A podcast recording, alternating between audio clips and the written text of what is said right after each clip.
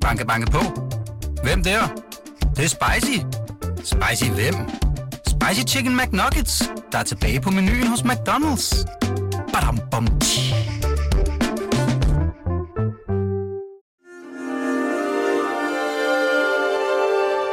Du lytter til Weekendavisen. Her kommer det næste kapitel med Hassan Prejsler. Kødet dækker knoglen, og de sætter et sind ind, og nogle gange en sjæl, og kvinderne smadrer vaser mod væggene, og mændene drikker for meget, og ingen finder den eneste ene, men de søger videre, kravlende ind og ud af senge. Kødet dækker knoglen, og knoglen leder efter mere end kød. Der er ingen chance. Vi er alle fanget i en entydig skæbne. Ingen finder den eneste. Skraldespandene bliver fyldt, lossepladserne bliver fyldt, galeanstalterne bliver fyldt, hospitalerne bliver fyldt, kirkegårdene bliver fyldt. Intet andet bliver fyldt. Charles Bukowski er ikke en dårlig oversættelse, vil jeg sige. Jeg synes faktisk, det var en fin oversættelse. Og, og det, det kender du simpelthen så godt, at du kan sige Charles Bukowski, når jeg har Ja. læst det. Han er øh, min yndlingsforfatter. Jeg synes, han er fantastisk. Han er sådan helt rå og ufiltreret, øh, og på samme tid meget hård og sådan kynisk, men også enormt følsom. Hård og kynisk og enormt følsom. Ja, jeg synes, det er en fantastisk blanding at have, fordi jeg ikke... Øh, altså, når det kommer til digte og poesi, så er jeg ikke så meget til, du ved, alt det gamle, hvor det hele er så romantisk og sukkersødt og William Shakespeare. Øh, men jeg kan enormt godt lide Bukowskis enormt rå univers. Jeg synes, det er virkelig fængende. Og, øh, og ved du, hvad det her digt hedder? Kan du huske det? Og nej, ikke lige på stående fod. Så Alone. tænker, Alone. with everybody. Everybody. Ja. Og det er, det er dit yndlingsdigt, det her. Det er klart en af dem. Jeg synes, det er fantastisk. At det, det er jo, hvad hedder det, det siger jo meget om en person, hvilket yndlingsdigt hun har valgt. Også bare, om de overhovedet har et yndlingsdigt. Ja. Ja. Altså, jeg, mine yndlingsdigte, det er sådan nogle lidt tuttenuttede, sådan noget Pete Hein, gruk. Det er sådan noget, jeg slet ikke kan lide, hvor jeg sådan, det står jeg overfor. Altså sådan noget satire er en lystig ting. Vi er sådan med bravoer og dakaboer og tænker, nej, hvor det ligner vores naboer. Sådan noget, det kan jeg Ja. godt lide. Det, det er lidt sødt, men der er jeg, jeg er mere til Bukowski. Eller når du mærker livets smerte, bliver du digter, hvis du er det. Det er du slet ikke til. Nej, jeg, kan, jeg synes, det er meget sødt, men jeg, jeg vil ikke sådan læse det. For mig, det er sådan noget, der, øh, du ved, så kan man få en toiletpapirrulle, hvor det står på, og så når man sidder på toilettet, så er det sådan, høhø, Ja. hvor det hyggeligt. Men er det, er, er- altså, altså, er det det her, du spejler dig i? Mm, Jeg ved ikke så meget, om jeg spejler mig i det, fordi jeg tror, at jeg er langt mere optimistisk, end Charles Bukowski nogensinde har været. Jeg er grundlæggende set et meget positivt og optimistisk menneske. Øhm, Ja, i hvert fald på overfladen, ikke? Ligesom jeg er tung og pessimistisk på overfladen, og så inderst inde, så er jeg jo sådan en, der bare elsker gruk. Men jeg synes også, at inderst inde er jeg også glad og positiv og optimistisk, og prøver sådan hele tiden at bevæge mig fremad. Øhm, men jeg har altid haft... Øh, jeg, jeg har altid været super interesseret i de mørke sider af livet. Ja. Og lige Hvorfor? siden jeg var barn, så min yndlingskarakter har også altid været de onde. Altså, da jeg var lille, så Harry Potter, jeg kunne lide Draco Malfoy. Jeg gav ikke en fuck for Harry Potter. Og sådan har jeg det stadig. Jeg er en Slytherin helt inde i hjertet. Jeg har altid holdt med de onde, og jeg ved ikke hvorfor. Har, har du overvejet det, eller tænkt over, hvad det Jamen, jeg om? tror ofte så øh, onde karakterer har lidt mere øh, dybde end de der cookie-cutter-helte, som bare sådan, nu vil jeg redde verden, fordi jeg vil redde verden. Jeg kan enormt godt lide skurke med en baghistorie. Øhm, Disney-film har jeg altid elsket, og i Klokkeren fra Notre Dame har de en af de bedste Disney-skurke, Ja. øh, Dommer Frollo, som han er så perfekt, fordi at de har virkelig bare fanget, hvad det vil sige at være en skurk, fordi han ser ikke sig selv som en skurk. Han tror, at han gør det rigtige, og i hans øh, eget hoved gør han jo Guds arbejde. Øhm, og det er den kompleksitet, jeg synes er enormt spændende, hvordan at det er jo de færreste mennesker, der gør noget kun for at sove andre mennesker. Alle har en idé om, at de gør det rigtige. Mm. Så jeg tror bare altid, jeg har været lidt mere draget til skurke, hvordan man kan gøre ting, der objektivt set er så forkerte, og samtidig på en eller anden måde tro, at man har the moral upper ground. Det er jo helt klart, altså, ja, det er jo helt klart skurkene, der skaber kompleksiteten, ikke? Mm. Og det er også dem, der skaber balancen. Fordi, som, jeg ved ikke, om det er det, du er inde på, men vi prøver alle sammen ligesom at fremstille os selv i det bedst mulige lys. Ikke? Altså på et tidspunkt, den historie, min bedstemor har fortalt mig. Jeg var lille, og jeg havde været ude og lege med Barbie-dukker eller et eller andet, og min bedstemor sidder og drikker te eller kaffe med en veninde. Og så kommer jeg ind og ser super vred ud, og hun ved ikke hvorfor. Og så siger hun bare, er du bedstes lille prinsesse? Og jeg siger, nej, jeg er den onde. Og så går jeg rundt om dem og lader som om, jeg ligesom øh, binder dem ind i ræb. Og jeg ved ikke hvorfor, men Altså de voksne, dine... Ja. ja. min bedstemor og bedstemors veninde skulle altså bindes ind i ræb, fordi jeg var den onde, og nu skulle jeg tage dem til fange. ja. Jeg ved ikke, hvor det kommer fra. Har du det stadig sådan? Ja, jeg vil sige, jeg er stadig mere tiltrækket til, tiltrukket af sådan skurkene Jamen i har film. Jeg det stadig synes, er sådan, at du, du bliver fanget, at folk siger til dig, hej lille søde prinsesse, du er så køn og lyshåret, og du har så flotte bryster, og så har du lyst til at springe ud af det og Jeg tage tror, et hvis, ræb og, hvis nogen og siger til mig, du har så flotte bryster, så ja, så, så vil jeg nok tænke, det synes jeg er dybt upassende at kommentere på. Ja. Øhm, men jeg ved ikke, jeg, jeg tror, det gavner mig enormt meget, at jeg ser enormt imødekommende ud. Altså, jeg har fundet ud af, at folk har en tendens til at fortælle mig deres hemmeligheder meget hurtigt, især hvis de har fået lidt indenbords. Øhm, så det er meget hyggeligt på den måde, at folk kommer til mig med ting, jeg ikke burde vide. Men det er jo også, fordi du er så let og, og imødekommende og køn og trillende og sød og, Jamen, jeg, jeg føler, det er en enorm styrke. og simpel. Sådan. Jamen, når folk umiddelbart ser på mig, så kan de jo lide mig på et eller andet punkt, fordi jeg ser bare likeable ud. Jeg har store blå øjne, jeg smiler for det meste, øh, jeg har glat ensartet hud, du ved, alle de her komplet overfladiske ting, der alligevel gør, at vi ser på et menneske og tænker, hm, dig tror jeg, jeg kan lide. Mm. Lidt fjollet, men det fungerer. Hvorfor er det fjollet? Jamen, fordi det jo ikke rigtig siger noget om mig, og det er også noget, jeg ofte, sådan, når jeg får ros på mit udseende, det er, sådan, det er da meget sødt. Jeg, jeg bliver ikke vred, så længe man holder sig fra at sige sådan, hey, pæne patter. Øh, hvis man bare siger, jeg ser godt ud, jeg ser smuk ud, jeg, jeg bliver jo glad for det. Men det siger samtidig ikke så meget om mig som person. Jeg har ikke valgt, hvordan min, mit ansigt skulle udforme sig. Jeg har ikke valgt, hvilket træk jeg skulle have, hvor at sådan, Men det, min du har valgt, personlighed har jeg arbejdet på. Ja, lige præcis. Ikke? Du har jo valgt din personlighed mm. i et eller andet omfang, eller som du siger, du har i hvert fald arbejdet på den. Og din personlighed er jo også enormt let og, og plirende og, og tilgængelig og umiddelbar og sådan. Det er jeg glad for, du siger. Vil du, vil du gerne være sådan?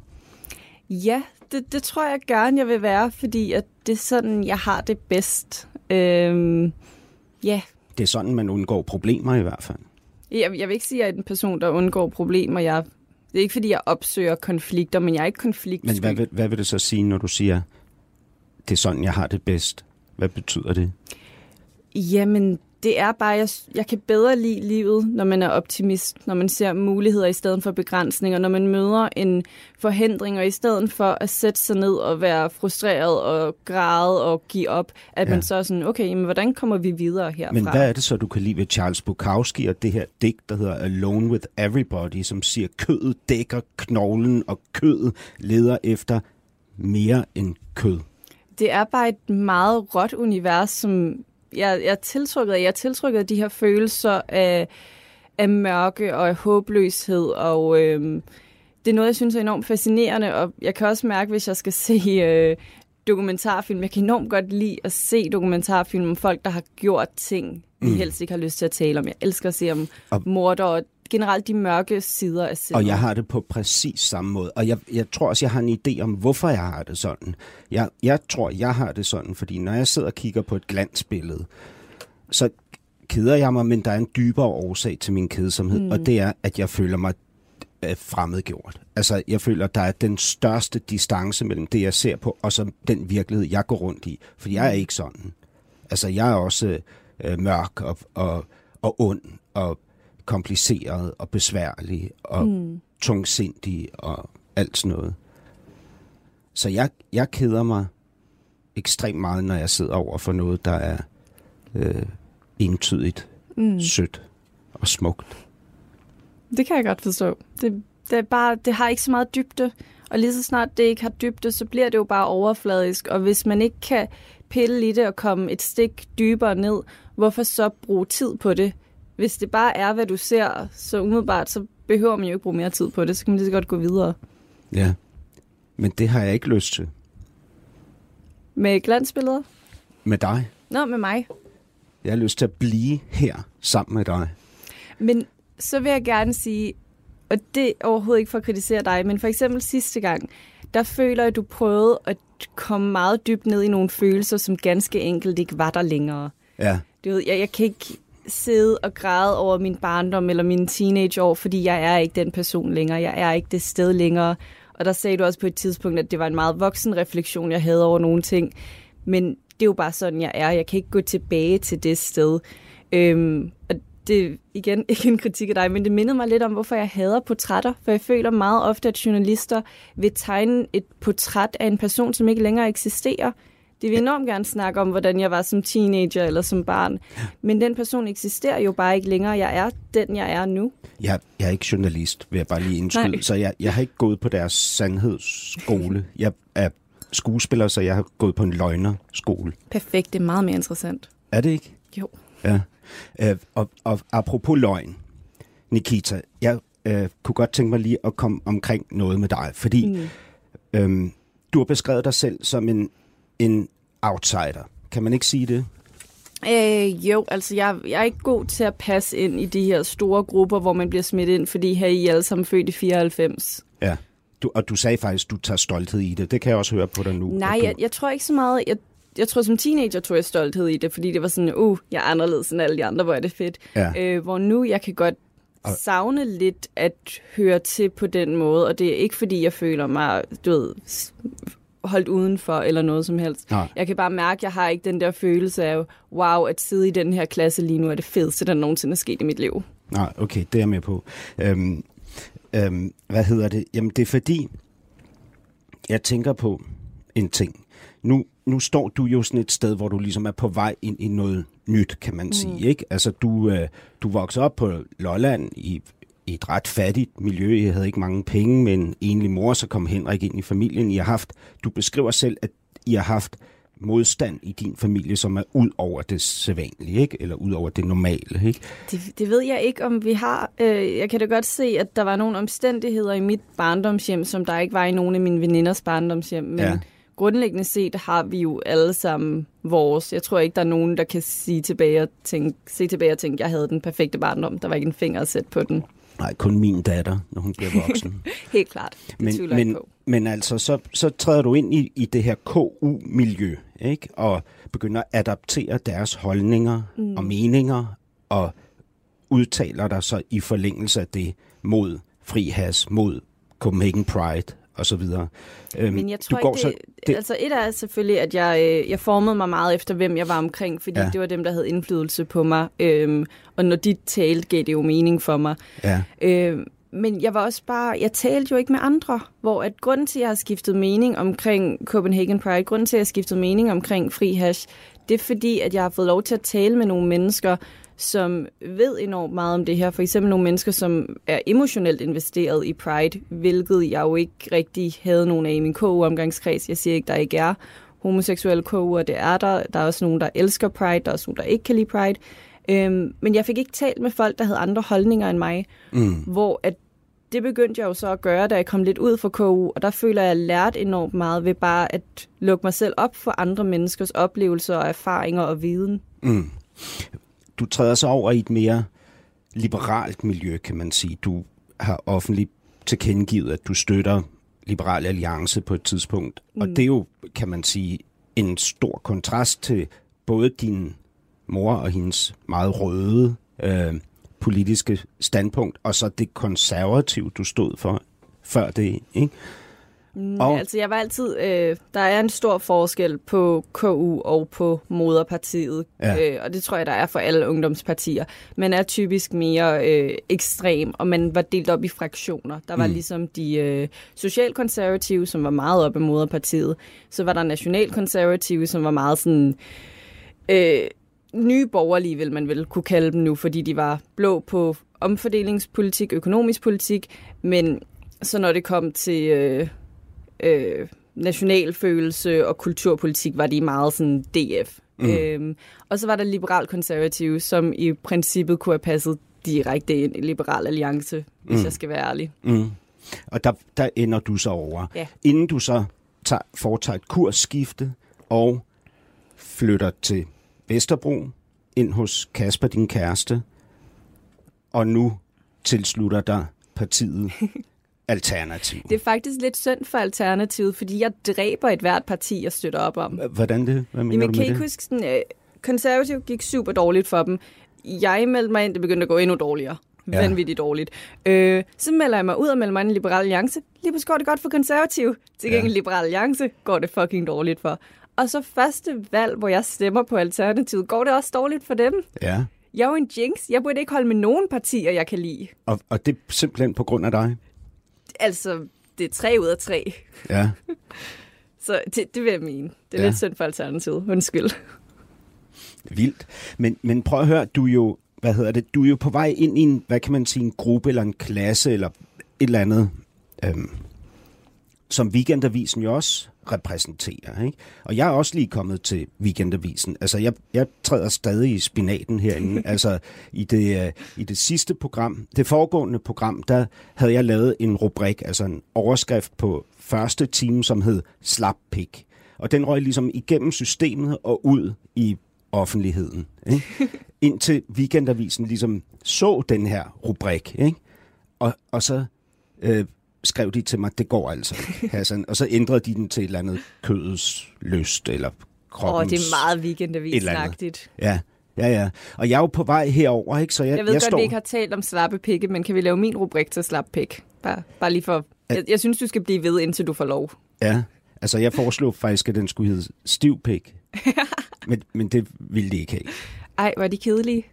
Øhm, men, men det er jo sådan, hvad hedder det, når man ligesom flytter et sted fra til et andet, så går der noget tid, inden man ligesom har gjort sig til det, de gerne vil have, man er. Ikke? Mm. Øh, du ved, altså os kameleoner, vi kan jo øh, skifte farve, sådan, så det passer til det, omgivelserne gerne vil have af os. Ja. Det kender du. Øhm, Jamen, jeg vil sige, nu øh, omkring det her med at gå ind i noget nyt, og jeg ved ikke, om det er her, du vil hen, men nu er jeg jo øh, begyndt som tilrettelægger. Jeg studerer tv-tilrettelægger, og har lige været med til at tilrettelægge min første dokumentarserie, ja. som jo er enormt spændende og også lidt skræmmende, fordi det er noget helt nyt. Men min redaktør, hun tog mig også til side til øh, vores julefrokost og sagde sådan, hey, må jeg være øh, pinlig fuld over for dig lige nu? Og jeg er sådan, ja, endelig, elsker det. Øhm, men der sagde hun også til mig, at øh, hun ville gerne have, at jeg vidste, at jeg ikke skulle ændre mig. For jeg var anderledes fra andre tilrettelæggertyper. Jeg var anderledes fra andre journalisttyper, men at hun så det som en force, og det var min styrke, så jeg måtte ikke ændre mig. Ja, og ved du hvad, det siger de altid. Fordi, fordi de vil gerne virke inkluderende, og de synes, åh, det er så spændende, nu har vi taget til dig." Nikita Klæstrup. Jo, jo, de har sagt præcis det samme til mig. Du må endelig ikke ændre noget ved noget af det, du gør. Ikke? Første gang, der er en rubrik, der hedder Slap Pik, ikke? så går de ud og redigerer i den. Ikke? Altså, prøv at høre, det er da lige præcis det, det handler om. Der er aldrig plads til en, sådan som man i virkeligheden er, inden for de der rammer. Men, men det, jeg ville tilbyde dig, det var, når nu du er på vej ind i det der, ikke? Mm. så kan jeg, fordi jeg er jo født ind i det, jeg er jo født ind i sådan en kulturel overklasse, altså der er altid blevet læst politikken og weekendavisen i mit barndomshjem, ikke? og jeg har været på Louisiana, siden jeg blev født. Øh, du ved, museet. Ja, jeg kender det godt. Har været der. Nå, men- nå, men så jeg tænkte bare, jeg nu, kan jo hvis jeg må hjælpe være dig. helt ærlig, så synes jeg, du er enormt nedladende over for mig. Er det? Ja. Det er Ja. som om, du har en idé om, at fordi at jeg er fra Lolland, så har jeg ikke den kulturelle baglast. Min mor læste også politikken. Min Ja. ja. mor elsker det kongelige teater. Hun elsker at se ballet. Det er ikke fordi, jeg ikke har den kulturelle ballast. Jeg har ikke brug for hjælp, hvis jeg må være helt ærlig. Til at komme ind i den her klasse? Det føler jeg ikke. Nej. Øhm, altså, hvis jeg skal være ærlig, det føler jeg ikke. Der er sikkert nogle andre ting, jeg har brug for hjælp til, og der skal jeg nok huske at spørge. Ja. Øh, jeg synes jo altid, især når det handler om at søge job som freelance, hvilket er den branche, jeg uddanner mig til, at man skal bruge sine kontakter. Og der kan det 100% sikkert være, at jeg skriver til dig på et tidspunkt. Men jeg har ikke brug for at blive introduceret til museer, jeg har været på på egen hånd en masse gange. Og, og heller ikke sådan noget undervisning? Eller? Jeg har studeret retorik på universitetet, så jeg, jeg tror, jeg ligesom har den med os. Nå, men det var bare fordi, du sagde, at der var sådan et ord i sidste uge. Kan du huske det? Nu Ja, jeg- jeg, jeg vil sige... Hvad var det, jeg vil sige? Præcision, noget af den stil? Ja, du vil sige uh, Jeg vil sige et ord, der i hvert fald ikke eksisterer. realisation, Ja, præcis. vil du sige. Men Ja. jeg tror, det var, fordi jeg blev ved med at tænke på det engelske ord.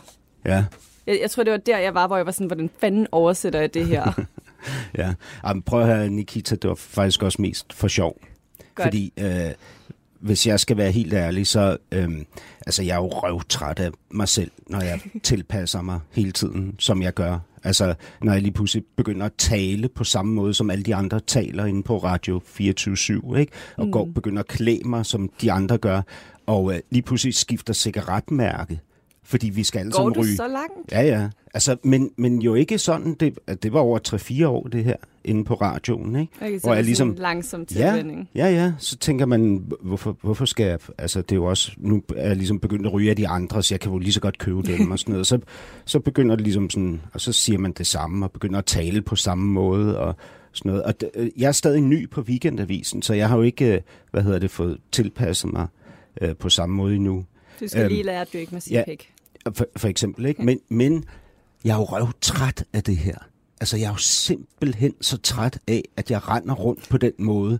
Øh, fordi jeg som barn følte mig som en outsider, og siden er blevet en tilpasningsdygtig kameleon, ikke? som sjældent kan mærke, hvad han i virkeligheden selv er.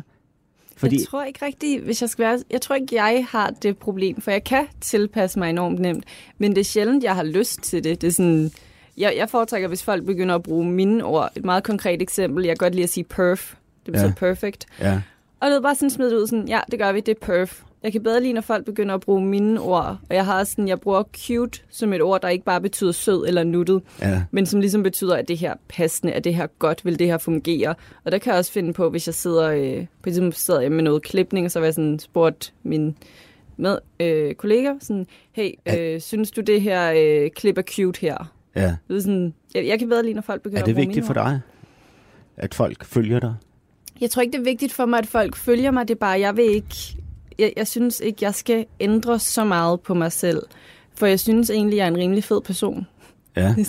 Men, men, men prøv at høre, det der jo er med det her, ikke? det er, når man er en outsider, og skal anstrenge sig i selskabet med andre, ikke? så kan man enten tilpasse sig, og det kan man, så kan man faktisk holde til samværet i ret lang tid. Ikke? Hvis man insisterer på ikke at gå med det, der sker, så bliver man udmattet. men jeg tror også, der er en mellemvej. Ja. Der, jeg, jeg tror, der er et punkt, hvor man, øh, man, man behøver ikke at råbe øh, slap pik ud i redaktionen på Weekendavisen, men man kan stadig sådan være sig selv omkring dem. Ja. Og jeg, jeg vil sige, at jeg føler ikke, jeg har noget ved mig, der er så slemt, at folk ikke kan holde ud og være omkring mig. Sådan, jeg, jeg føler ikke, jeg har noget, jeg bliver nødt til at ændre. Mm. Øhm, du nævnte lige det her med, med selvværdet, ikke? Og det, hvad hedder det? Øhm, jeg, jeg vil gerne være ærlig omkring tingene nu her, når jeg sidder over for dig, ikke? Det skylder vi hinanden. Mm. Øhm, når jeg hører folk sige, jeg har et meget højt selvværd, bimler mine alarmklokker. Jeg ved ikke, jeg, jeg tror nu, den, de, øh, kan man sige, de sammenhæng, jeg har sagt det i, synes jeg, det giver mening. Første gang var fordi, at jeg ligesom snakkede om, at jeg ikke har nogen berettigelse til at være i offentlighedens søgelys, hvor jeg så ændrede det til, at eller jeg startede med at sige, at jeg ikke havde noget talent, og så var det Mhm. egentlig bare for at sige, at det er ikke fordi, jeg sidder og føler mig selv useless. Jeg føler ikke, at jeg, jeg sidder ikke i et hjørne og tænker, at jeg kan ikke noget. Øhm, og nu her er det også bare for at sige, sådan, jeg, jeg hviler i mig selv. Ja. Men det er sjovt, fordi det der med Men at vil sige, sidde... mit, mit og, selvtillid kan jo godt lide ja, et knæk, men jeg, har, jeg føler, at jeg har en grundlæggende kerne, der fortæller mig, at jeg er ok. Men langt de fleste af os, altså det er jo i virkeligheden meget, meget sjældent, når vi er kede, at vi så kede af det, at vi så ender med at sumpe, som du beskriver, eller når vi er dårlig selvværd, at vi sidder, sidder over i et hjørne med vores dårlige selvværd. Det vi jo gør ved det i virkeligheden, der vi kompenserer, ikke? når vi har stor sorg, stor smerte, eller selvværdsproblemer, så kompenserer vi for at overleve. Ikke? Det er jo kun i yderste, yderste konsekvens, at det ender med, at vi tillader os selv at gå ned med flaget.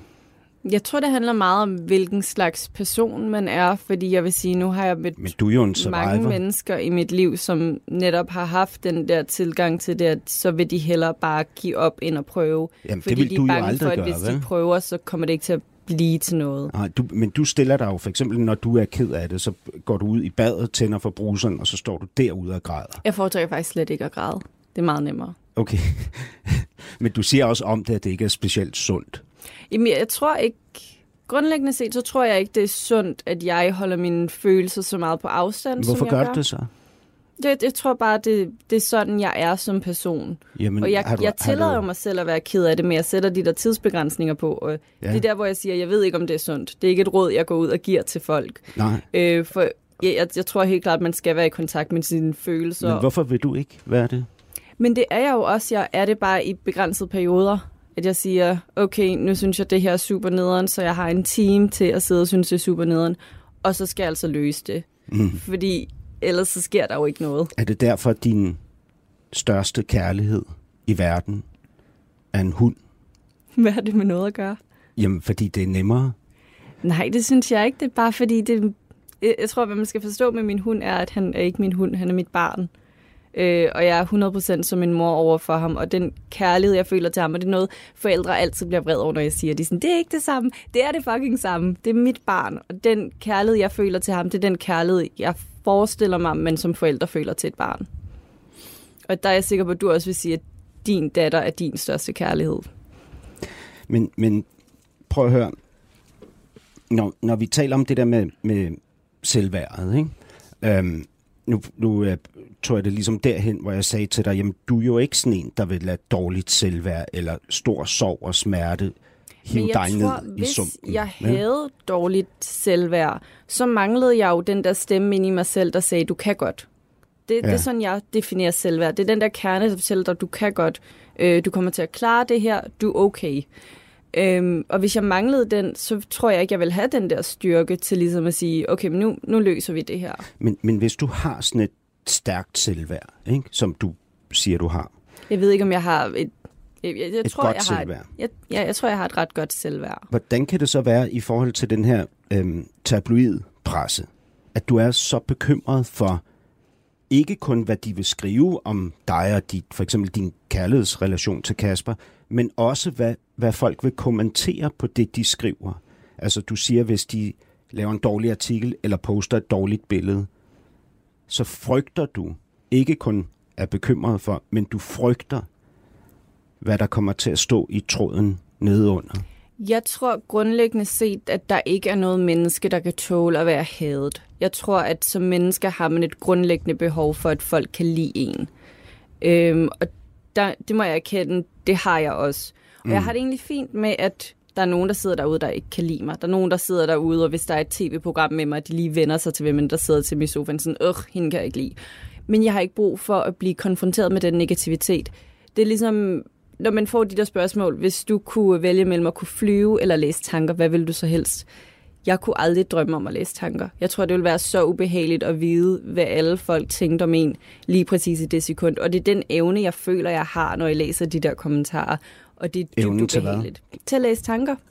Fordi folk tænker ikke på, at sådan, ja, jeg kan jo sidde og følge med, og jeg har ikke noget imod, at folk ikke kan lide mig, hvis de siger det privat. Hvis de siger det i en gruppechat med deres veninder.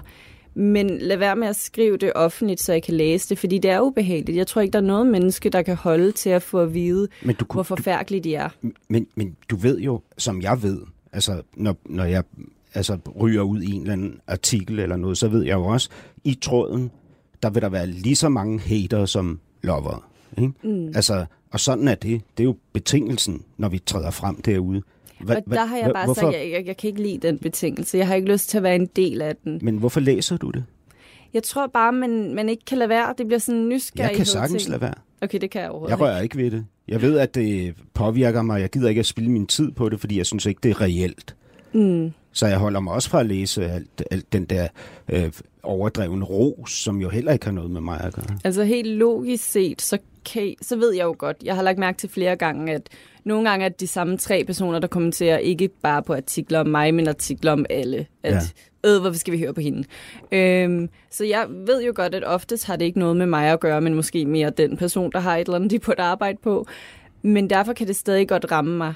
Og jeg tror, at nu ved jeg, det gælder åbenbart ikke for dig, men jeg tror, at de fleste mennesker ikke vil bryde sig om at læse alle menneskers negative tanker om Jamen, jeg bryder mig ikke om det, men jeg opsøger det heller ikke. Det er det, jeg siger. Mm. Jeg vil sige, jeg føler ikke, jeg opsøger det som sådan, men man kan sige nu, jeg tror, jeg har liket Ekstrabladet og BT på Facebook, så det dukker jo op i min feed, og nogle gange er det også bare sådan en, artiklen kommer ud i nu ting. Det er sådan, jeg bliver nødt til at tjekke, og jeg bliver nødt til at tjekke, hvad de har skrevet om mig derinde. Men det, jeg altså, prøver, altså, journalisten har skrevet i det, artiklen. Det, jeg prøver at undersøge lige nu, altså i dig, men også i mig selv, det er jo ikke, hvordan vi forholder os teknisk til, at det sker derude, men hvorfor det betyder så meget for os.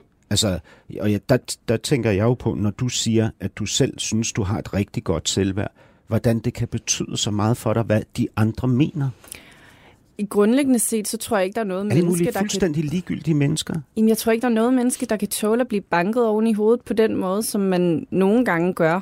Ja. Øh, og som vi også talte om i sidste time, så tror jeg grundlæggende set, der er noget andet i det, når man kun er sin egen person. Ja, det tænker jeg også på, fordi der siger du også, at, det, at du gætter på, at det er lettere, hvis man har et produkt. Altså ja, et hvis eller andet. det er produktet, der bliver slået på. Ja. Og når jeg er mit eget produkt, så ja. er det jo mig, der bliver slået og det, på. Da jeg lyttede til dig sige det, så tænkte jeg, jamen det kan godt være, at det er sandt. Ikke? At det er lettere at forholde sig til det, hvis det er et produkt. Men jeg tror faktisk, skillelinjen er en anden for mig. Jeg tror, mm. det er lettere for mig at forholde mig til det, eller leve med det, når jeg har været 100% ærlig over for mig selv, og hvad jeg synes er væsentligt lige så snart jeg begynder at gøre noget for nogle andres skyld, eller for at blive populær, eller for at blive set, eller for at få opmærksomhed, hvilket jeg gør hele tiden, ikke? så er det, jeg føler, at jeg svigter mig selv, og så bliver de andres holdning ekstremt afgørende for mig. Ja, det ved jeg ikke lige, hvad jeg skal sige til. Det, det giver god mening. Øhm, man kan sige, nu har jeg haft den der periode, hvor at jeg tænkte, jeg skulle være i medierne, for ellers ville folk glemme, hvem jeg var. Øhm, og der tror jeg heller ikke, det rørte mig lige så meget, fordi man havde den der sådan helt uh, delusional ting med sådan, så længe de taler om mig, så er det fedt. Og ja. den er bare kommet videre ja, fra. Men det er heller ikke det. Jeg, jeg, nu ved jeg godt, jeg brugte eksemplet opmærksomhed, så det forstår jeg godt, du hiver mm. fat i, men det er sådan set ikke det, det handler om for mig. Det, det handler om for mig, det er at blive til i den her verden, som det menneske, man er. Ikke? At Nikita Klæstrup bliver til i den her verden, som det menneske, hun er. Ikke? At vi, at vi siger jeg nu, fordi jeg har pis meget lyst til at gøre det sammen med dig, ikke? at vi får revet og tvunget og, og hvad hedder det, brækket og knækket den der øh, konstruktion op og, og fri, ikke? Sådan, så hun kan eksplodere ud i hovedet på alle dem, de arrogante mennesker som mig, som læser Weekendavisen og ser ned på hende, fordi de tror, hun aldrig har været i det kongelige teater eller på Louisiana. Fordi jeg kan se på dig, og det kunne jeg allerede, da jeg var hjemme hos dig, at du har det vildeste potentiale. Det er jeg glad for, at du siger. Øhm... Og ved du hvad, der forhindrer dig i at, at hele tiden, når vi taler, at komme ud med det? Det er frygten for, at der skal komme nogle klaphatte og samle en eller anden historie op ud af det, og så poste den på forsiden af fucking BT eller fucking Ekstrabladet. Og så kommer der en tråd med alle mulige idioter, som sidder derude og øh, brokker sig over, hvordan øh, øh, forskellige mennesker, som har taget et skridt ud i offentligheden, er. Ikke? Podcasten er sponsoreret af Maxus, som netop er lanceret i Danmark med 100% elektriske biler med moderne teknologi og højt udstyrsniveau. Find din forhandler på maxus-danmark.dk Må man godt sige, og weekendavisen, for jeg prøvet at holde igen. Du må, du, du må sige hvad? Om jeg godt må sige fuck i weekendavisen, for jeg har virkelig prøvet at holde igen, men nu sagde du det. Ja, ja, nej, giv den gas, mand. Fedt. Ja. Åh, oh, godt. Ja, ja. Øh, lad, dem bare jeg... sidde, lad dem bare sidde og hoppe i stolene over det. Nå, men jeg er faktisk bare enormt bange for det her. Det er noget, jeg har fundet ud af. Det, det giver mig ikke nogen glæde. Jeg føler, at jeg inviterer en masse negativ energi ind i mit liv, som jeg grundlæggende set ikke har behov for. Mm. Og som jeg egentlig føler, jeg ikke har bedt om. Jeg tror også, det er sådan en, hvad fuck sker der for verden? Ja. At folk føler, at de er berettiget til at dele alle deres tanker hvert sekund om et andet menneske. Det, det er lidt der, det er. Det er sådan, kan I ikke godt selv se, hvor modbydeligt det er? Vil I sige det her til mit ansigt, hvis I så mig på gaden? Ved du hvad, jeg har det ligesom jeg har det med min, min 9-årige datter, som lige nu her forleden dag besluttede sig for at blive klippet helt korthåret. Hun har haft altid det længste, smukkeste hår, ikke? Og det var hendes beslutning. Hun insisterede på det et halvt år, og hun var lykkelig, da hun gik fra frisøren. Ikke? Så kommer hun over i skolen og forskellige steder, og så kommer alle klaphattene. Ikke? Så kommer alle de små forsmåede, alle dem, der selv går rundt og, og hele tiden tilpasser sig, indordner sig og, sådan, og siger ting, når hun ser åndssvag ud, og det er grimt, og det ikke er pænt og sådan noget. Ikke? Jeg har det på præcis samme måde i forhold til dig det sted, jeg prøver at få hende og dig hen, ikke? det er jo derhen, hvor I bliver ligeglade. Hvor det ikke har nogen betydning. Fordi Jamen- I har gennemskuddet det, og du har gennemskuddet det. Hvordan kan du lade de der kældermennesker have betydning på, om du taler frit om dig selv og dit liv, og hvad du vil, og hvad du skal, og hvad du synes? Jamen, så er der også bare grundlæggende set, hvor meget jeg egentlig har lyst til at dele af mig selv, og hvor meget jeg har lyst til at give ud til nogle mennesker, som jeg grundlæggende set jo ikke stoler på. Mm. Det er sådan, der, jeg, jeg stoler ikke rigtig på de enormt mange journalister, jeg godt kan lide personligt, men derfor stoler jeg ikke på dem, for jeg ved, at de har jo ligesom, de skal sælge nogle aviser, så de kommer til at dreje overskrifter, de kommer til at sk- beskrive mig på måder, som jeg måske ikke vil være tilfreds med. Mm. Øhm, så du- det handler jo også du- om det. Du har jo lavet nogle mennesker, eller du lader nogle mennesker, som ikke fortjener din opmærksomhed, få alt for meget opmærksomhed. Men Nikita, stoler du på nogen? Stoler du på mig lige nu? Nej. Hvad tror du, jeg vil? Øh, jeg, jeg, jeg ved det ikke, for jeg synes faktisk, at den her samtale er ganske fin, men for eksempel... øh, Ganske fin. Ja, men for eksempel sidste time, der følte jeg, at øh, du prøvede at prikke meget ned i nogle ting, som ikke rigtig var der længere, hvor jeg var sådan, jeg, jeg følte, du havde en, øh, en klar idé om, hvad du ville have frem i mig, Ja. men det var noget, der ikke længere fandtes, og så i stedet for at gå videre, blev du bare ved med at prøve. Men... Men går jeg videre nu? Ja, og det sætter jeg pris på. Og, og, det kan jeg faktisk godt mærke, men hvor, hvor, hvad tror du, jeg vil, siden du ikke kan stole på mig? det ved jeg virkelig ikke. Øh, jeg, tror bare, det er sådan en generel erfaring, der har gjort det lidt svært, og masser af skænderier med journalister. Nu ved jeg godt, du ikke er journalist, men det er alligevel lidt den hat, du har på. I din bevidsthed. Ja, ja fordi ikke i min. Nå, det er jeg glad for at høre. Altså, jeg har, jeg har sagt til dig, hvad jeg ønsker. Jeg vil gerne være mere øh, reel omkring det. Jeg ønsker, at du, fordi du på en eller anden måde er kommet til at repræsentere, du kunne have været min datter, Nikita. Jeg er 50, du er 25. Det kunne du faktisk. Det kunne jeg. og også ret realistisk. Ikke? Og på en eller anden måde, så er du for mig kommet til at repræsentere det, det hele handler om. Og det er frigørelsen. Undskyld, det, nogle gange ved jeg ikke helt, du, du er meget dramatisk, så nogle gange har jeg haft svært ved at finde et svar, der passer til det, for jeg føler, det kommer til at være sådan nedtur efter. Det er ligesom er blevet bygget så stort op. Ja. Du bliver bange. Jeg, jeg tror, jeg bliver sådan lidt intimidated, for jeg, sådan, jeg føler, jeg skal sige noget, der matcher, men jeg føler, det er virkelig svært. Jamen, altså, det, det behøver du slet ikke. For det første. Og for det andet, så det, der kommer inden for dig, det vil ikke kun matche det, jeg siger, men overgå det. Prøv at høre, jeg er en gammel mand, der har siddet og gentaget sig selv i et, radio, i et radiostudie i fire år nu. Ikke? Altså, når den der Nikita Klæstrup, som jeg ser derinde, når hun bryder fri, ikke? Så, kommer du til at fuck med det hele. Hvordan får vi så det til at ske? Hvad skal vi gøre? Er det sådan nogle øvelser, hvor man sådan skriger og sådan giver slip? Nej, nej, det handler om relationer. Altså, det handler om så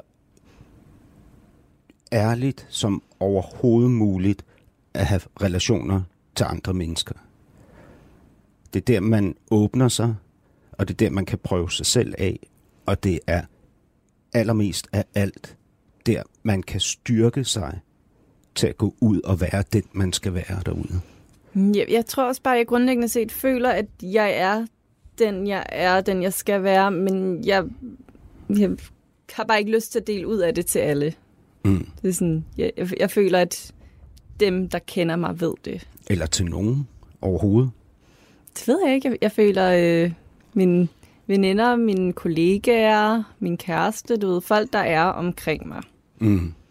Men det er bare det der med at skulle dele ud af alt, man har til fremmede på internettet. Det er det, jeg har det lidt svært med, og så giver det ikke nogen mening at være influencer overhovedet. Øhm, men det må være min følgers problem. De har valgt at følge mig. Mm. Nu ved jeg godt, du grinede af det sidst. Men du sagde til mig, at din kæreste Kasper også reagerer på, at din største kærlighed er din hund Watson. Øh, Jeg tror ikke, han reagerer på det. Han, jeg, jeg tror, han er, han er forberedt på det. Han vidste, hvad han gik ind til. Så det, så det er, det er rigtigt, at din største kærlighed er Watson. Ja, men som sagt, han er jo mit barn. Det, det, Ja. det er virkelig det, man skal forstå. Det er ikke en, bare en hund. Det er ikke et kæledyr. det er mit høre, barn. Nikita, hvis du fra nu af, du er 25, ikke? Hvis du fra nu af kommer til at have en hund som din nærmeste relation, ikke? så kommer du til at ende som en 75-årig kattedame. Det er drømmen. Hvorfor? Bare sådan ikke at skulle forholde sig til nogen, bare have katte. Åh, oh, det er så trygt. Ja, det er så trygt. Ej, men altså, det er jo ikke, Det er fordi han er ufarligt. min Det er ufarligt. tætteste relation. Jeg er enormt tæt med, selvfølgelig er jeg tæt med Kasper, vi bor sammen, vi er kærester, det kan næsten ikke undgås. Men jeg er også enormt tæt med mine veninder og taler med dem om alt. Jeg er enormt tæt med mine søstre. Øh, min ene søstre taler jeg med på FaceTime hver dag. Øh, så det er ikke fordi, jeg kun har Watson, og jeg ikke deler ud af mine dybeste, mørkeste hemmeligheder og følelser med nogen. Gør du det? Ja, ja. Hvad er den sidste dybe, mørke, mørke hemmelighed, du har delt med en? Jeg føler, at det her bliver virkelig synd for Kasper. Øhm, jeg er en person, der har brug for alenetid, og det er svært, når man bor sammen. Og han havde lovet mig, at jeg ville få en alene aften, og så blev han ved med fucking at være i lejligheden. Jeg var sådan, du bliver nødt til at fuck af snart. Øhm, men der delte jeg da både med øh, en af mine bedste veninder og med min søster, hvor frustreret jeg var over det her. Og det var også svært, fordi på Men samme tid du- havde jeg enormt du- dårlig samvittighed, Jamen, fordi det- det, er sådan, ja. det er min kæreste, jeg elsker ham, jeg elsker at være Jeg sammen jeg med ham, men han skal godt. fuck af. Jeg har præcis det samme. Præcis det samme. Og det, altså, det kribler ned ad ryggen på mig. Hele min krop mm. er ligesom en illustration af min irritation. Ja, ikke? men jeg var også, det var forfærdeligt, fordi Gå jeg kunne også mærke bare, sådan, ikke? for hvert minut han stadig var der, jeg blev mere og mere irriteret. Jeg kunne nemlig mærke det i min krop. Jeg ja. Var sådan, og det er ikke fordi, jeg vil lave noget, når han er væk, som jeg ikke laver, når han er der, men jeg vil lave det alene. Men ved du, hvad den dybe, mørke hemmelighed i det her er? Nej. Det er baggrunden for, at du har brug for det. Fordi hvis du kan dele den med Kasper, Jamen, hvad er baggrunden for, at Ja, jeg har brug for jeg det? Jeg, jeg har bare altid jeg ved, set hvad mig min selv baggrund som... er, Hvad er din for, baggrund? for at jeg har brug. Hvad er din baggrund? Så kan det være, at jeg bare kan tage den. Det er fordi, i min barndom, der lærte jeg, at samvær med andre mennesker er ikke betingelsesløst. Altså, jeg skal være noget bestemt mm. for at få det til at fungere. Og derfor bliver jeg hysterisk udmattet, når jeg har et andet menneske rigtig tæt på mig i rigtig lang tid. Mm. Ja, det kan være, at jeg skal grave lidt dybere i det. Jeg har bare altid set det som om, at jeg kan enormt godt lide at være alene. Jeg elsker mit eget selskab, og bare det der at få lov en gang imellem til bare sådan, du ved, jeg kan sidde og se News og Co, og, og Kasper kommenterer ikke på det. Jeg kan bare være sådan, så jeg behøver ikke at sys på ham. Det er jo også en styrke, det er jeg med på. Så værdsæt det, men det skal jo være noget, du har magt over. Altså, det skal jo ikke være noget, der river dig rundt i managen. Nej, men det føler jeg også, jeg har. Det er bare en gang imellem bliver jeg nødt til at bede ham om at skrive. Ja. Det er, også, det, er, en- det er en svær periode lige nu, fordi han går hjem, jeg går hjem, så vi er også bare sådan hele tiden op ad hinanden. Det var ikke så slemt, det vi begge to arbejdede. Hvad hvis det, lige præcis det, kan koste jer jeres forhold? Det håber jeg ikke, det gør, Ja, det fordi det er jeg, noget, jeg, det prøver at det? være meget bevidst om, og virkelig kommunikere mine følelser omkring det ud til ham. Og han har det heldigvis på samme måde, men han får automatisk mere alene tid, fordi så er jeg ude hos veninder, eller jeg skal have ordnet mine negle, og det tager alligevel en evighed, eller jeg er til frisør. Så der er alligevel mange muligheder for ham at være alene, hvor jeg skal lidt mere tvinge ham ud af døren og sige, nu skal du være et sted, der ikke er her. Så vi prøver at være meget bevidste om at kommunikere det til hinanden, og ligesom fortælle, lige nu går du mig på nævne. Men mellem jer to, dig og Kasper, er det jo ligesom det er mellem mig og min kæreste, Sara, at det er ham, der gerne vil have mere, og dig, der vil have mindre. Jeg tror, Sådan ikke, er det, og jeg er den, der vil have mindre i mit forhold. Mm, jeg tror ikke så meget, at han vil have mere. Det er ham, der kommer hen og rører ved dig, når du græder. Og dig, der siger, lad mig være.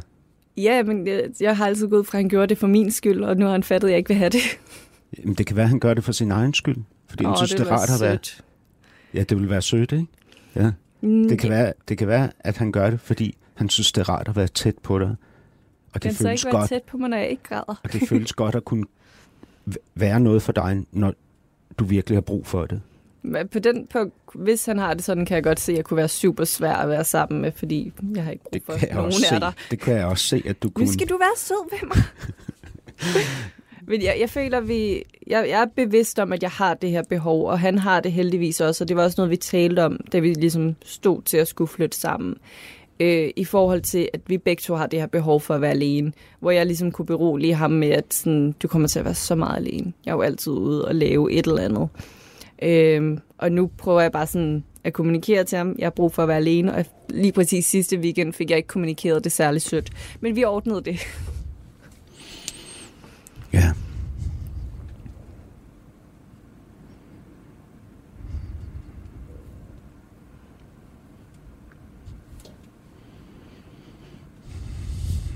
Er det nu, jeg tager kontrol, når vi begynder at tale om hunden? Jeg, jeg kunne godt tænke mig, øhm, fordi nu, nu har vi talt omkring det at illustrere sig selv. Og vi skal ikke tale om cutting, altså om, om at selv skære. Og vi skal ikke, jeg oversætter for Weekendavisens læser, fordi jeg er sikker på, at de ikke aner, hvad cutting er. øhm, og vi skal ikke tale om din mor og din far, eller dine to søstre, eller din bror. Jeg vil enormt gerne tale om min familie, men jeg tror, jeg vil tale om dem i det perspektiv, jeg har med dem nu, og det forhold, jeg har med dem nu, i stedet for, hvordan det var for 10 år siden. Ja. Det er ikke længere relevant. Det forstår jeg. Men jeg, jeg kunne godt tænke mig, fordi jeg, jeg har læst op på det her, vi talte om sidst. Du sammenlignede øh, cutting med selvmord på den måde, at man siger jo inden for selvmordsforskningen, at når man giver det opmærksomhed, så har det sådan en lemming-effekt og kan inspirere til, at andre gør det. Og derfor skal man være ekstremt varsom omkring øh, samtaler om selvmord. Og så var jeg inde, ude og læse om cutting, og det er på samme måde, at hvis du for eksempel på sociale medier lægger en lille film op af, at du cutter, så har det en ret stor øh, lemming-effekt derude, mm. og andre følger efter. Men de siger samtidig, alle dem, der arbejder med cutting, at det er væsentligt at tale om det her, at få det frem i lyset, og at man gør det på en ordentlig måde. Mm. Øhm, og den ordentlige måde inkluderer selvfølgelig, at man taler om årsagen til det, og at man taler om konsekvensen af det. Ikke? Og så selvfølgelig giver mulighed for, at andre kan hjælpe sig selv ud af det. Ikke? Øhm, og jeg... Du, vi, du, du sagde til mig på et tidspunkt, vi vil jo alle sammen gerne have et blueprint på det her med livet. Ikke, Mm. ikke kun fordi jeg har en datter, men nok ret meget derfor vil jeg jo vildt gerne have et blueprint på den smerte, der ligger bag det, at man begynder at skære i sig selv. Ja, Og, og det kan du jo give mig, fordi du kan fortælle mig, hvad din smerte var. det føler jeg ikke, jeg kan give dig. Jeg føler ikke, jeg kan hjælpe dig med det. Det er et overstået kapitel. Det, jeg kan ikke komme ned i de følelser igen, fordi de bare ikke er der længere. Jamen, det er heller ikke så meget, måske, at du skal ned i følelserne, men at du kan forklare mig, hvordan ser den smerte ud? Altså, hvordan opleves den smerte på det tidspunkt, hvor du er 12 år og begynder at skære i dig selv? Altså, Jamen, jeg, jeg tror virkelig ikke, jeg er den rigtige til det her, for jeg kan ikke komme i kontakt med det igen. For mig er det overstået, det er færdigt, der er ingen grund til at bruge tid på det længere. Mm, Hænger det her sammen med, når du, når du siger det nu, hænger det så sammen med, at du havde den oplevelse, da du så gik ud med det her, at du havde været cutter, og du fik rigtig meget opmærksomhed, mange mennesker henvendte sig, at du så sagde, at det var frygteligt, at de gjorde det, fordi Øhm. du følte et alt for stort ansvar. Man kan sige, da jeg kom ud med det første gang, der mener jeg, det var i Ekstrabladet. Og, og der var der mange, der, der tror jeg, der er lidt flere yngre læsere, end der for eksempel er på Weekendavisen. øhm, og det er jo et fænomen, som man typisk ser hos unge mennesker. Ikke at sige, at voksne mennesker ikke også kan lide under det, men det er øh, hyppigst hos unge. Så jeg, jeg har ikke den frygt 25 lige nu. procent af de unge har gjort det på et eller andet tidspunkt. Det er en ud af Mm. fire, ikke? Ja. Og 80 procent af dem, der skærer sig, er kvinder eller piger. Mm. Ikke? Ja, så altså, det er ikke fordi, jeg har den der frygt for at blive oversvømmet af beskeder igen. Det er bare fordi, jeg, jeg føler virkelig ikke, jeg kan hjælpe dig med det her. Jeg ved ikke, hvad jeg skal sige til dig omkring mm. det. Jeg føler ikke, jeg kan sige sådan, okay, men nu får du en liste Mm. mm. over de ting, som jeg tror gjorde mig ked af det i den periode. Øh, for jeg, jeg tror også bare, det er en kæmpe stor miskmask af ting, så det Ja, var enormt ja. svært.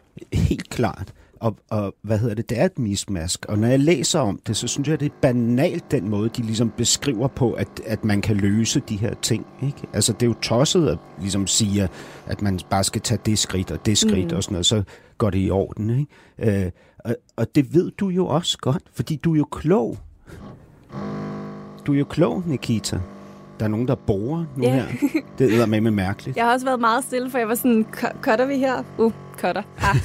øhm, Nej, det gør vi ikke. Okay, vi Øhm, fortsætter. Ja, vi fortsætter lige meget hvad. Øhm, men, men Nikita, prøv at høre. Øhm, altså, du siger, at du ikke kan hjælpe mig med det her ikke? lige nu. Og du siger også, i forhold til de unge, der henvender sig, at, du, at det var en frygtelig oplevelse, fordi du ikke kan hjælpe dem. Mm. Men det er ikke det, jeg beder om. Jeg beder ikke om, at du kan komme med en forklaring på det. Altså, jeg beder ikke om, at du som 25-årig kan give mig en stor videnskabelig, faglig indsigt i det, jeg selv skal. Det, jeg beder om, det er, at du er i det sammen med mig. Det, det tror jeg ikke, jeg kan være for mig. Det er bare sådan overstået. Det er færdigt. Jeg er ikke i de følelser længere. Det, som jeg, det vi snakkede om, sådan, om man tegner et portræt af en person, der ikke længere er der. Mm. Det er lidt det, jeg føler, at du prøver at komme i kontakt med en person, som ikke længere eksisterer. Jamen, det, det, det er faktisk slet ikke det, jeg er interesseret i. Jeg, jeg tror overhovedet ikke, at du er, øh, hvad hedder det, øh, har, har en brist, der gør, at du vil begynde at skære i dig selv igen. Altså, jeg tror, jeg tror du er langt ude af det der. Mm. Det er seks år siden, Det er nu heller ikke, fordi jeg tænker, at med. du tænker, at jeg kunne finde på at tage den lille hobby op igen. øhm, men, men det er bare... Jeg, jeg kan ikke være i det med dig, fordi jeg er ikke den person længere. Men du siger også, Nikita, i første time, så siger du, det er et lukket kapitel. Så siger du, men jeg tror egentlig ikke, det er en sund måde at reagere på. Men for mig er der nogle ting, hvor det så er Men det jeg tror helt kapitel. klart, der er en kæmpe styrke i at kunne tage fat på traumer og generelt ting, der har Hvor- hvorfor skadet tror du os. det? Jamen, grundlæggende set, så tror jeg jo på, at tingene bliver bedre, hvis vi kan tale om det, hvis vi kan komme ind i det. Bedre for hvem? Jamen, for mig, For, grundlæggende for set. dig og for dem, der er sammen med dig, vel også, ikke? Ja, det kan godt være. Jeg For ved ikke, hvor meget det påvirker dig, at jeg ikke vil tale om det lige nu. Øhm, så det er ikke fordi, jeg siger, at det er sundt, at man bare skal sige, Nå, nu har jeg oplevet det traume, så lægger vi låg på det. Jeg tror bare, for mig er det ligesom bearbejdet, og jeg har ikke brug for at gå tilbage i det. Mm. Og igen, jeg, folk skal lade være med at tage råd fra mig, fordi det, jeg tror ikke noget af det, jeg siger er klogt. En terapeut vil nok ikke godkende noget af det. Men for mig er du meget mere relevant og interessant end nogen terapeut, jeg har talt med, og jeg har talt med mange, kan jeg godt love dig for. Det lyder hyggeligt. At hvad? Jeg har talt med mange terapeuter. Ja. Men det er også svært, man skal finde en, man kan lide. Ja.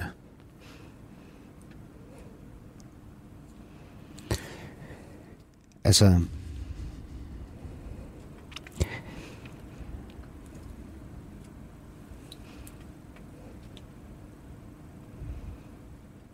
det er svært, fordi jeg, jeg har jo... Altså, jeg har jo så meget lyst til, at du, at du bryder igennem. Ja, jeg kan godt mærke, at der er et eller andet, du vil have fra mig, som jeg ikke giver dig.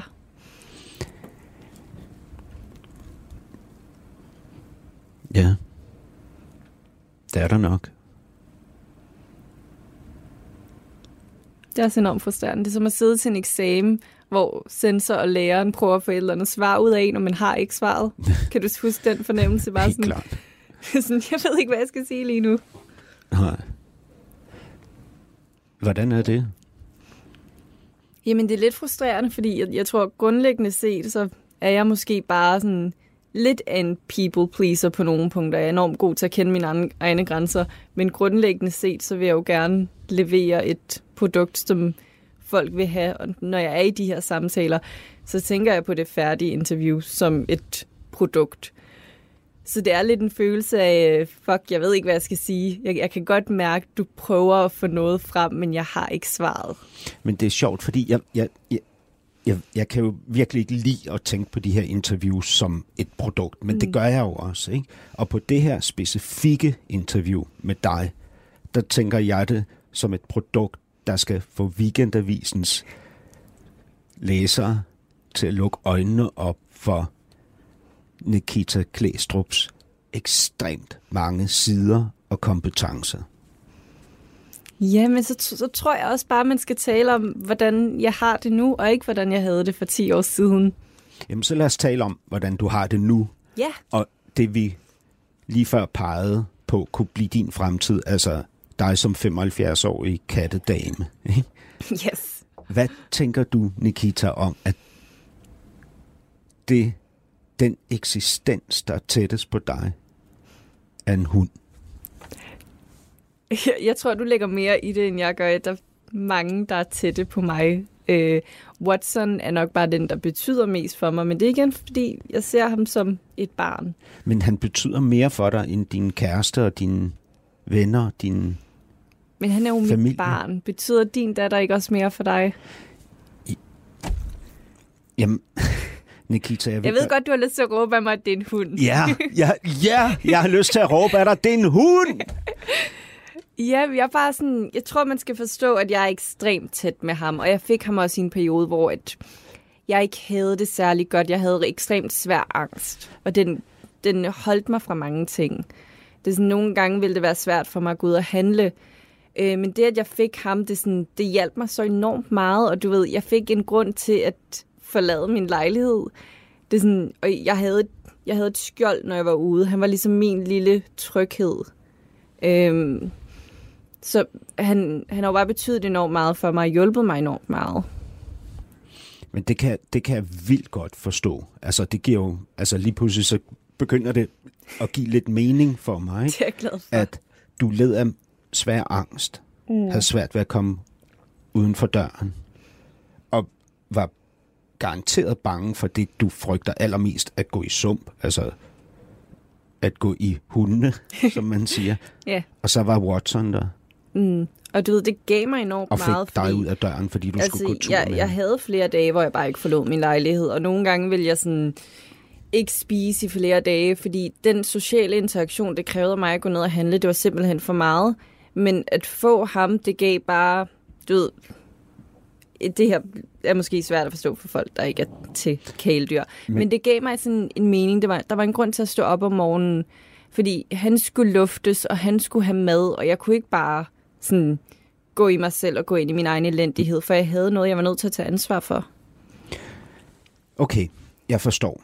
Kunne du, Nikita, tænke dig, at du fra nu af og de næste mange år af dit liv udvider den relation, du har til en hund, sådan så den også kunne komme til at inkludere et eller flere mennesker? Men På det, det, niveau. føler jeg Nej, allerede, på det niveau. den gør, fordi jeg, På det jeg, niveau, hvor du kan sige til det andet menneske, du betyder mere for mig end noget andet.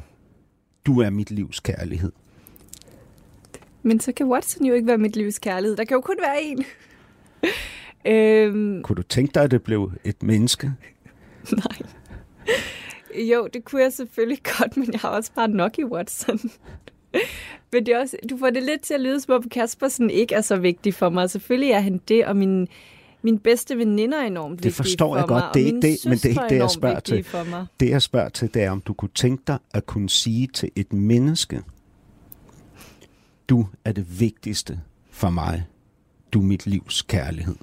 Men der kan jo kun være én. Og så skal Watson ryge ned på en anden plads, og det, det bliver jo bare besværligt. Men det som jeg føler det, så tror jeg, at du føler, at jeg har det virkelig tæt bånd med Watson, og anden, alle andre bliver holdt sådan, du ved, arm Nej, udstrækning. nej, nej, det er ikke det, jeg er det siger. jo ikke. Nej, nej, jeg siger, om du ikke kunne tænke dig, at du kunne sige til et menneske, du er det vigtigste for mig. Du er mit livs kærlighed. Men jeg, jeg forstår ikke rigtig, hvad, hvad forskellen skulle være på at sige det til en person, og så den relation, jeg har til folkene omkring mig nu.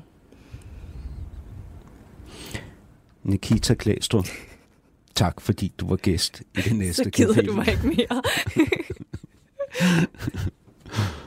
Det var en fornøjelse. tak. jeg kan godt lide den afslutning. Det lyder virkelig som om, du bare var blevet træt af mig. Sådan færdig. Er det rigtigt? Ja. Nej, sådan har jeg det ikke.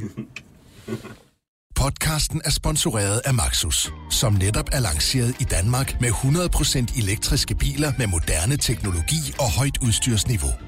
Find din forhandler på maxus-danmark.dk